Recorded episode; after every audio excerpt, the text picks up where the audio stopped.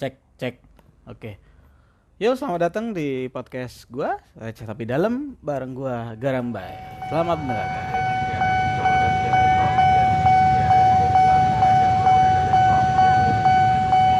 Oke, eh, halo teman-teman. Selamat pagi, siang, sore, malam. Eh, jam berapapun lu dengerin gue. Ah, baik lagi sama gue di podcast Receh Tapi Dalam, bareng gua Garambay. Ngomongin hal-hal yang pernah gua omongin di tongkrongan hal-hal yang menurut gue receh tapi kadang menarik buat dibahas. Uh, meskipun namanya dalam tapi gue nggak yakin bisa ngebahas tentang ini dalam banget ya. Cuman menurut gue kayak ya ngasih bahasan aja sih ke lu pada atau gue berbagi tentang bahasan yang pernah gue omongin di uh, tongkrongan gue jadi kayak ngomongin hal-hal yang kadang nggak merasa nggak perlu buat diomongin gitu. Tapi seperti, sepertinya pas dibahas bisa didalemin gitu. Kalau pas lu bahas sama temen lu bakal jadi lain cerita sama gua bahas sama temen gua. Bakal beda sama antar tongkrongan satu ke tongkrongan lain. Jadi kayak uh, lu ngobrol tentang ini tuh kayak nggak kebayang atau nggak kepikir bahwa kalau lu ngomongin ini lu bisa ngomongin banyak hal gitu. Menurut gua kayak gitu Uh, ini episode berapa ya? Gue nggak tahu sih. Kalau nggak salah itu mungkin 19 ya. Terus habis itu 20. Kayak gue berencana habis habis 20 uh, gue bakal upload seminggu sekali karena sepertinya masa-masa PPKM sudah akan berakhir dan kerjaan di kantor mungkin udah mulai banyak lagi. Uh, gue udah bisa ngobrol sama orang lagi karena alasan pertama gue bikin kayak gini adalah gue ini adalah salah satu metode healing gue gue pengen ngomong gue pengen ngobrol dan salah satu diary gue aja mungkin ya tentang pemikiran-pemikiran gue yang pernah gue bahas di tongkrongan gue uh, jadi ngomongin tentang uh, alasan gue bikin podcast ini jadi kan gara-gara gue pengen ngomong aja karena selama PKM gue nggak ada teman ngomong atau nggak bisa ngomong sesering itu karena nggak ketemu orang. Tapi kayaknya sekarang udah mulai ketemu ketemu orang lagi weekend udah mulai keluar keluar lagi di kantor pun udah ketemu orang lagi. Jadi mungkin ini gue kurangin intensitasnya. Ini bukan karena gue punya pendengar atau enggak cuman ya ngasih tahu aja. Kali aja gitu kan kali aja. Oke okay, uh, eh, sekarang gue mau ngomongin ini ada dua bahasan yang pengen gue bahas sih. Gue bingung mau ngebahas yang mana tapi uh, ini gara-gara yang kemarin-kemarin ini gue habis pernah bahas kalau nggak salah ya gue pernah bahas tentang baik dan buruk gak sih? Jadi gue lupa gue bahas di episode yang apa. Cuman uh, gue percaya bahwa setiap orang itu tahu mana yang baik mana yang buruk. Meskipun baik dan buruk itu subjektif. Baik dan buruk setiap orang tuh beda. Baik buruk semua setiap golongan tuh beda. Jadi ini masalah keyakinan. Oh berarti gue ngomongin tentang agama kalau sebelumnya tuh. Jadi baik dan buruk setiap orang tuh macem-macem apa yang menurut gue baik belum tentu apa yang perlu buruk gitu. Gue pernah ngebahas tentang agama sama temen gue kan. Ya karena gue muslim gue ngebahas tentang agama ya lo tahu meskipun Islam adalah satu gitu tapi kan golongannya banyak banyak ya. Banyak banget. Di Indonesia aja udah banyak. Dan info aja bahwa memang sudah dijelaskan pada awal kejayaan Islam bahwa nanti Islam ini akan terbagi menjadi 7, 72 golongan di mana yang benar dan akan masuk surga tanpa hisap maksudnya uh, lolos gitu kan langsung masuk surga itu hanya satu golongan. Dan setiap orang merasa mereka adalah golongan itu gitu. Jadi kan balik lagi ke subjektif. Meskipun Al-Quran itu satu tapi orang mengartikannya macam-macam gitu. Kurang lebih kayak gitu. Jadi se mutlak agama aja orang-orang mandangnya macam-macam gitu apalagi hal yang lain gitu loh maksud gua. Jadi baik dan buruk orang tuh subjektif. Uh, kalau ngomongin baik dan buruk setiap orang tuh beda kadang banyak teman-teman gue yang nggak nerima juga sih. Baik dan buruk benar dan salah itu mutlak gitu. Tapi menurut gue enggak karena uh, apa yang kita pikirkan nggak dipikirkan orang lain. Contohnya setiap kita anggaplah kayak gini deh ini ini agak-agak halu-halu gitu ya. Apa yang gua anggap warna merah di kepala gua pakai mata gua itu kan sepakat ya sama orang lain juga yang lain ini bahwa warnanya merah. Tapi gua nggak yakin warna yang gua anggap merah ini itu bener-bener sama sama yang di di mata orang lain. Paham gak sih? Jadi kayak merah gua sama merah dia itu mungkin beda. Mungkin di mata dia merah yang dia lihat itu di mata gue sebenarnya kuning. Cuman kita udah sepakat bahwa warna itu merah gitu. Jadi itu merah. Bingung gak sih? Bingung kayaknya ya. Ini ini gue uh, menganggap bahwa emang semuanya itu tergantung dari mana dari mana atau bagaimana kita ngelihatnya. Gitu. Jadi emang benar dan salah baik dan buruk itu subjektif. Tapi gue nggak ngebahas tentang baik dan buruk itu bagaimana lebih dalam enggak cuman gue pengen uh, ngeflorin sesuatu yang pernah gue obrolin ke tongkrongan gue obrolan ini gue dapat dari tongkrongan orang-orang eksekutif. Jadi gue pernah pas di kampus dulu uh, sempet uh, intens karena suatu kegiatan bertemu dengan orang-orang yang menurut gue profesional di bidangnya. Waktu itu ya di bidang konsultan di bidang uh, entrepreneur gitu-gitu. Gue pernah intens sama orang-orang yang lebih senior daripada gue ya mungkin bahkan um, waktu itu dia umur 30-an hampir 40-an kayak gitu kan. Yang punya masih semangat muda kayak gitu. Gue pernah uh, ngobrolin tentang uh, antara baik dan buruk gitu. Tapi uh, setelah itu gue obrolin juga ke tongkrong-tongkrongan gue meskipun gue nggak dapet insight banyak dari tontonan gue itu lebih ke gue yang sharing aja tentang itu tentang yang gue pernah gue dapat dari seorang profesional atau eksekutif itu. Jadi kayak gini. Di dunia ini baik dan buruk itu emang emang ada gitu. Nyata. Nggak nggak usah dibingung kenapa orang ini baik kenapa orang itu buruk kayak gitu. Karena emang semacam baik dan buruk itu pasti ada. Dan emang hukum alamnya setiap ada orang baik maka ada orang buruk. Ya standarnya kayak gini deh. Kita nggak akan tahu uh, mana orang baik kalau nggak ada orang buruk. Karena orang semuanya sama. Jadi kan kita nggak tahu orang yang baik itu kenapa kita bilang baik. Orang ini kita bilang baik karena ada yang orang yang lebih buruk dari ini. Makanya kita bilang orang baik. Kalau orang semua itu sama semua melakukan hal yang sama anggaplah kejahatan semua itu buruk gitu kan berarti kan gak ada orang baik. Karena semua buruk gitu. Sebaliknya begitu kalau semuanya orang baik berarti kan gak ada orang buruk. Jadi ini semacam membandingkan sih baik sama buruk itu membandingkan mana yang lebih baik mana yang lebih buruk. Kurang lebih kayak gitu. Nah hukum alam memang seperti itu. Gue pernah dulu uh, ini beberapa quotes dan dan dan gue sering denger waktu itu waktu zaman tahun berapa ya 2000 sekian belas gue nggak nggak inget. Waktu film My Name, My Name Is Khan yang main Sarukan ya itu uh, lagi booming. Di situ kan diceritakan bahwa kan itu kan orang India itu kayak gue lupa sih kayak mungkin autisme atau apa tapi dia eh anggaplah tidak tidak seperti kita tidak seperti orang-orang yang lain gitu kan secara berpikirannya. Cuman dia orangnya polos gitu. Dan dia diajarin sama ibunya bahwa uh, di dunia ini hanya ada dua orang. Yang satu baik yang satu jahat gitu. Orang-orang baik adalah orang-orang yang melakukan hal yang baik dan orang jahat adalah orang-orang yang melakukan hal yang buruk atau yang jahat. Kurang lebih kayak gitu quotes itu atau kata-kata itu tuh udah ke mana-mana gitu. Sampai gue denger dari banyak lingkungan banyak uh, uh, mungkin dulu update status story apa pun itu banyak yang kayak ngomong kayak gitu. Gue setuju tapi nggak sepenuhnya setuju.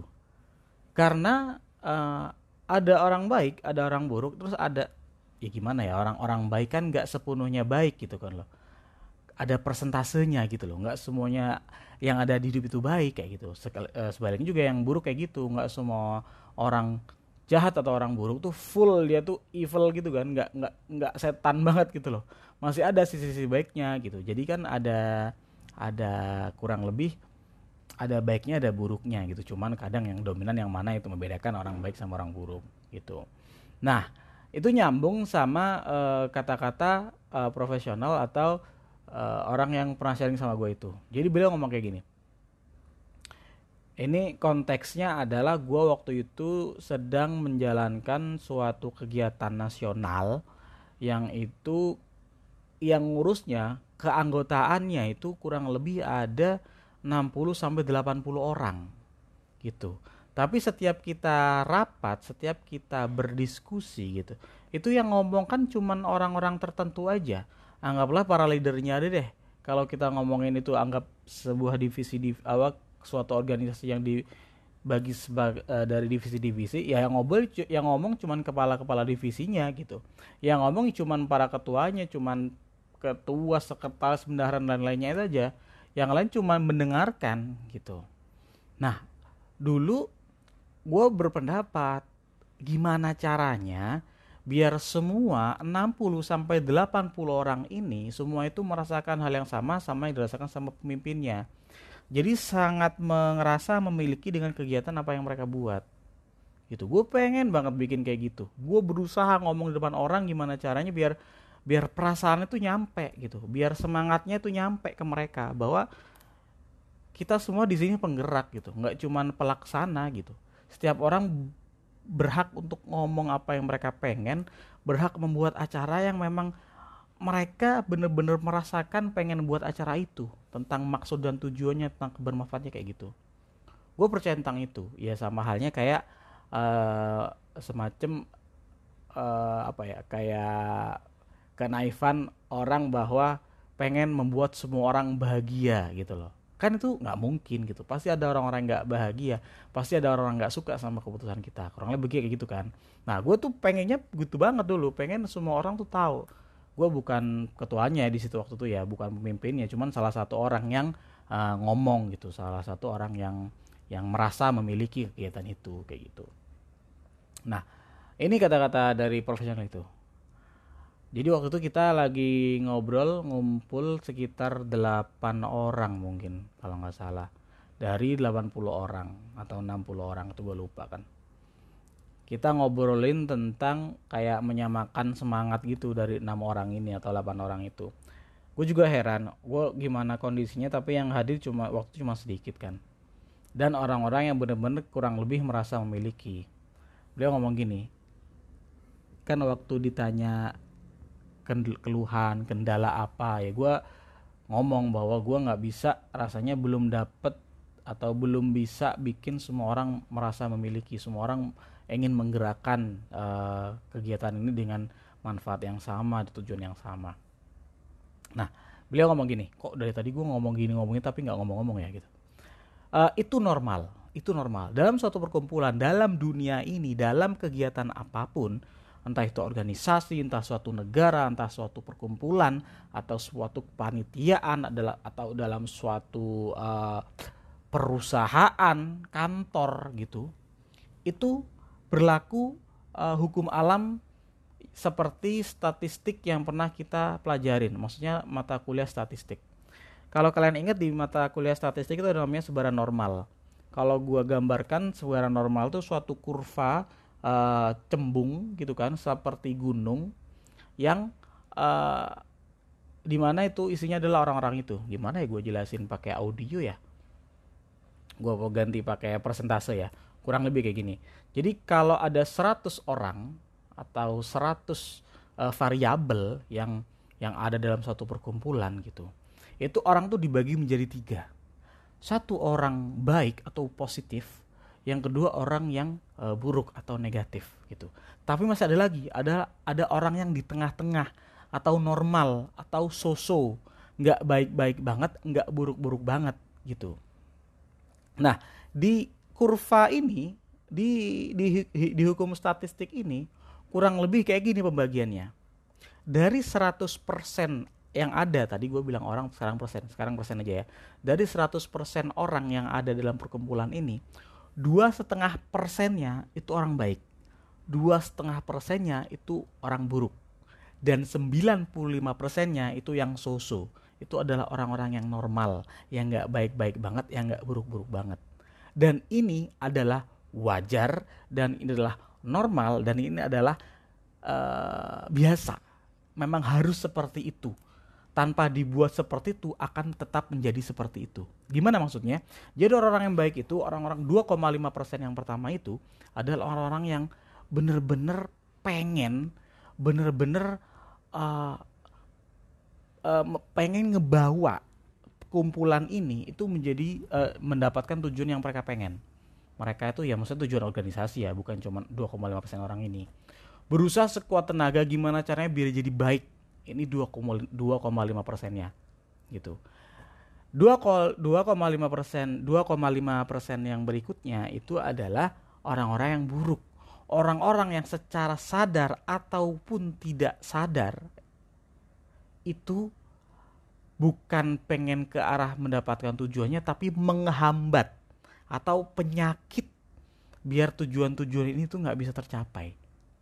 Sedangkan 950 persen, 95 persennya, 95 persen orangnya itu adalah orang-orang yang ngikut. Bisa ngikut baik, bisa ngikut buruk. Nggak bisa dibilang baik, nggak bisa dibilang buruk. Kadang dia baik, kadang dia buruk. Tergantung sama diri dia sendiri dan pembawaan 2,5% yang baik sama 2,5% yang buruk. Jadi kuatan mana gitu aja semakin kuat yang buruk ya akan membawa 95% ini banyak yang ke buruk. Semakin kuat yang baik ya semakin yang ke baik. Kayak gitu. Ini mungkin gue agak menjelaskannya agak bingung ya dan agak ribet. Tapi gue juga bingung gimana cara jelasinnya. Tapi menurut gue ini bermanfaat banget sih. Gue kasih contoh dengan jumlah orang. Anggaplah organisasi gue ada 10 100 orang. Gue pengen bikin acara nasional. Gue pengen bikin acara seminar nasional yang sangat megah banget gitu otak utamanya tuh orang lebih cuma tiga orang coy. Cuman tiga orang.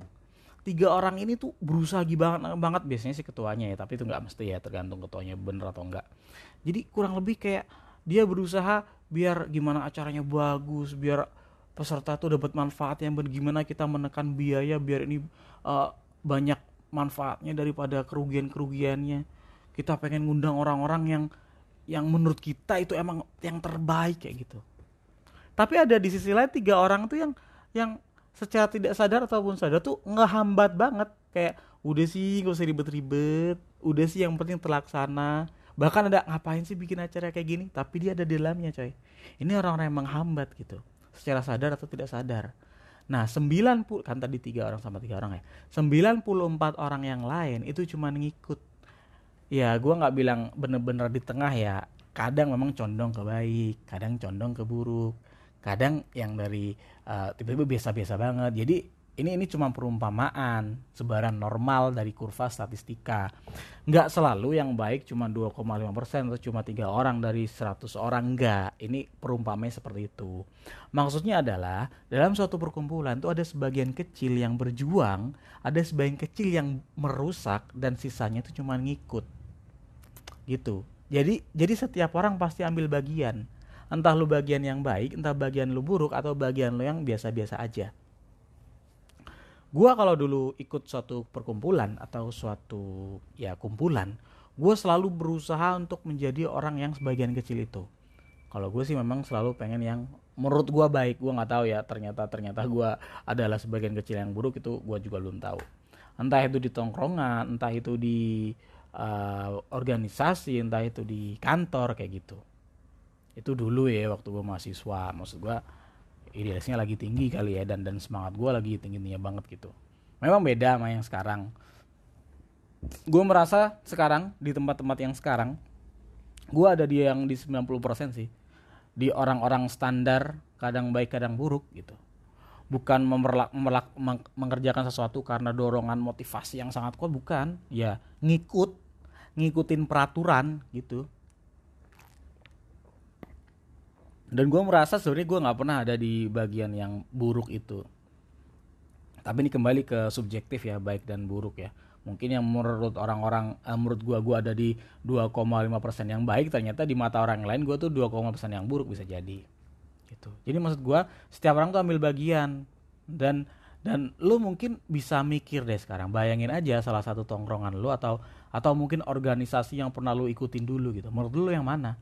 Lu udah 25% 2,5% yang yang baik lu dua setengah persen yang buruk atau lu di tengah-tengah aja gitu. Dan menurut gua ini ini penting ini penting. Bagi orang-orang yang berkembang bagi orang-orang yang uh, masih sekolah masih kuliah itu rasanya ini dari menurut gua ya menurut gua daripada lu ikut banyak organisasi tapi lu di bagian 90% ini orang biasa-biasa aja lu mending jadi bagian orang meskipun cuma satu organisasi tapi lu bagian jadi 2,5 persennya. Lu bisa mikir banget lu bisa ikut uh, menjadi salah satu foundernya. Lu lu bisa dapat pelajaran-pelajaran soft skill yang yang nggak bisa di uh, dapat sama orang-orang yang cuma di 90% di tengah-tengah itu. Nggak jelas. Menurut gua kayak gitu. Ini ini ini penting sih kalau menurut gue ya karena gini kalau kalau gue yang dulu gue yang dulu sebelum tahu tentang fakta ini itu pasti sedih banget stres. Kalau gue nggak bisa bawa orang-orang tuh ke hal yang baik. Karena gue merasa kalau orang-orang yang berkumpul orang-orang ikut di di di organisasi atau di kumpulan gue itu nggak nggak punya rasa kepemilikan atau rasa memiliki yang sama itu kan jelek banget gitu gue gue sedih banget buat menyadari itu sebelum gue tahu itu bahwa itu adalah hal yang normal. Gitu. Ya anggaplah tongkrongan nih.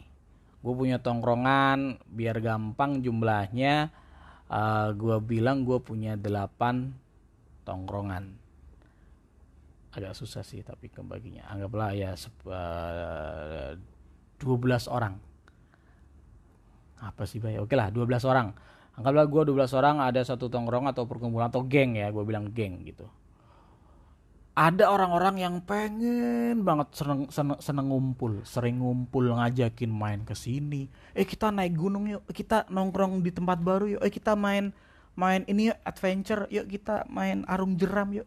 Ada nih cuma dua orang tapi. Dua orang itu ngajakin ke sini ke sini. Inisiatif banget gitu. Aktif banget buat ngajakin teman-temannya gitu ada tapi dua orang yang lain yang ngapain sih lu repot-repot? Ngapain sih capek tahu ngapain sih kita sering-sering kumpul gini gitu? Udah sih temenan cuman apa sih teleponan tiap weekend kan kayak lu nggak punya waktu lain kayak gitu gitu loh. Ada kan? Ada orang-orang yang malas gitu. Ya kadang nggak ditunjukin ya. Tapi kalau ditunjukin gue yakin dia adalah dua orang yang emang emang emang penyakit kalau menurut gue gitu setidaknya meskipun dia nggak nggak ngomong secara langsung kadang dia ngomong ke orang-orang yang lain eh bukannya itu ya? Itu tuh boros ya? Eh bukannya naik gunung tuh repot ya? Ngapain sih kan bahaya? Ngapain sih kita naik gunung? Eh ngapain sih naik gunung? Kan capek ya? Kenapa kita nggak makan makan aja di resto? Kayak gitu gitu ada orang-orang yang mempengaruhi itu. Mungkin dia nggak sadar tapi gue yakin dia adalah orang dua orang yang buruk om menurut gue ini baik dan buruk lagi balik lagi subjektif ya. Ini gue kategorikan aja biar gampang ngomongnya tapi ada dari 12 orang tadi dua baik, dua buruk, ada delapan orang sisa yang ngikut. Kadang dia suka banget diajakin nongkrong, kadang dia suka banget diajak gunung, tapi kadang juga dia kepengaruh sama orang-orang yang dua orang yang buruk. Itu kayak ngapain sih gitu. Eh kok main lagi kan kemarin udah main kayak gitu-gitu loh. Ada, ada yang kayak gitu. Nah, kalau menurut gue gue tuh yang dua dua yang yang pertama gitu.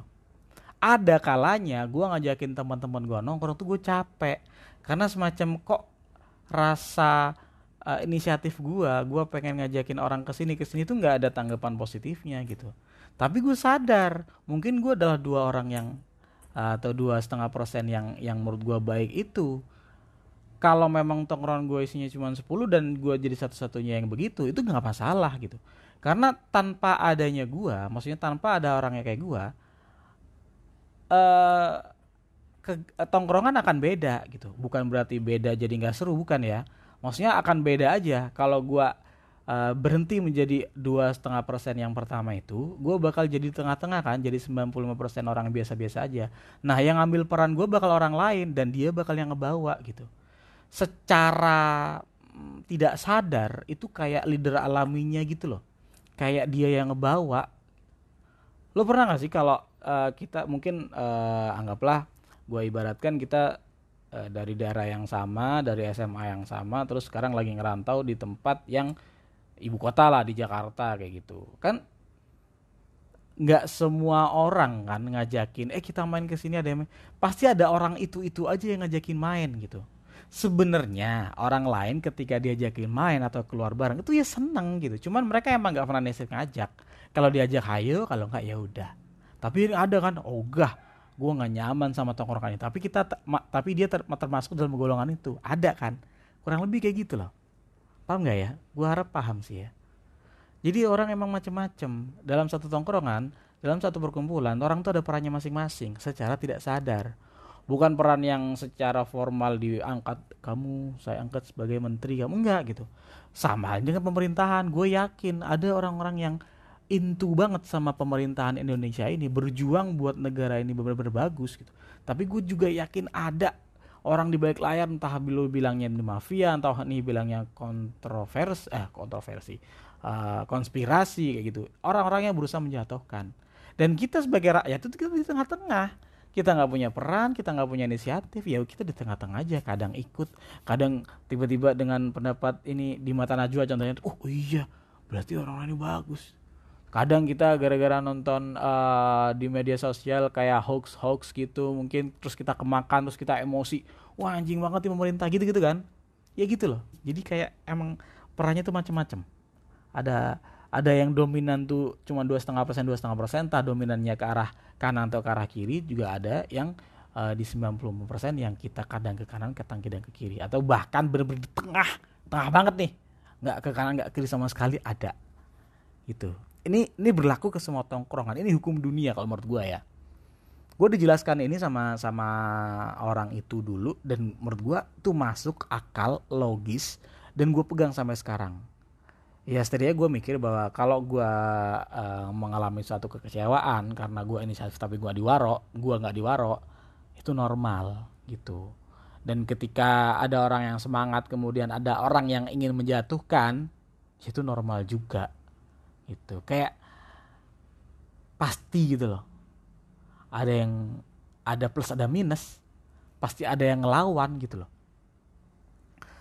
Uh, eh, gue bilang ini perkumpulan yang lebih dari dua atau tiga orang ya. Gue nggak bisa bilang kalau ini adalah lu bilang kalau gue gua gak bilang semua lingkungan terus lu ibaratkan di rumah atau di keluarga ada suami ada istri ada anak ya bingung sih kalau kayak gitu sih harapannya sih nggak ada golongan-golongan kayak gitu. Itu kan kayak perkumpulan kecil banget gitu. Ini gue bilang mungkin perkumpulan yang agak banyak orang ya.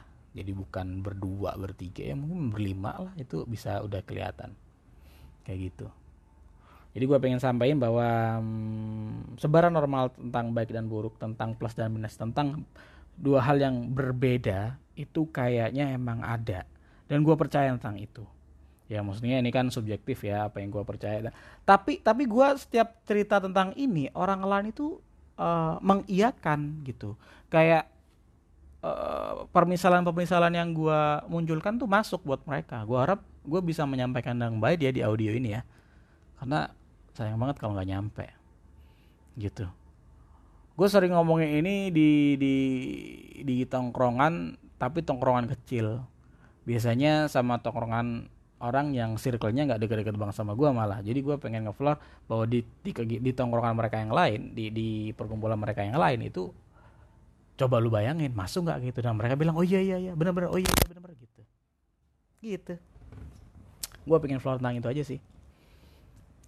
Jadi buat lo yang berjuang terus merasa gagal jangan stres sih. Itu normal. Dan pahami aja lu peran yang mana kalau lo udah paham peran-perannya lo udah paham kira-kira gimana dua setengah persen yang pertama 95 persen yang di tengah dan dua setengah persen yang kedua gue harap lo atau kita itu tahu sebenarnya kita pengen di mana gitu. Kalau lo pengen di mana ya lo ikutin aja dan lo usahakan yang semaksimal mungkin. Kalau lo pengen jadi dua setengah persen yang pertama lo berusaha lah gimana caranya lo bisa di situ. Gimana lo jadi dominan lo menjadi alfa gimana lo jadi uh, bisa uh, memberikan itu sebaik mungkin gitu.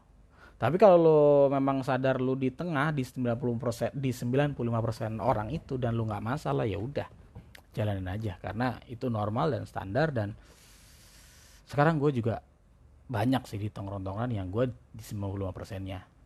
Terserah kita sih sebenarnya yang mana gitu maksud gue. Udah gitu aja kali. Cuma bilang kalau lu tahu peran lu dan lu tahu apa yang harus lakukan lu enak banget sih. Jadi yang baik lagi cuman setiap orang tahu mana baik dan buruk dan baik dan buruk orang tuh beda-beda. Lakukan apa yang ya, lo yakinin baik. Udah itu aja. Dan tinggalkan apa yang menurut yang buruk. Oke gitu aja. Dengerin episode gua. Yang lain di setiap Senin sampai Kamis. Ya sama Kamis. Itu sekarang kayaknya mulai minggu depan udah Senin doang atau Kamis doang jangan ya sorry kalau gua salah-salah kata kalau gua nggak bisa jelasin dengan baik Gue Garambai, Raisa Tapi Dalam. Thanks. Ciao.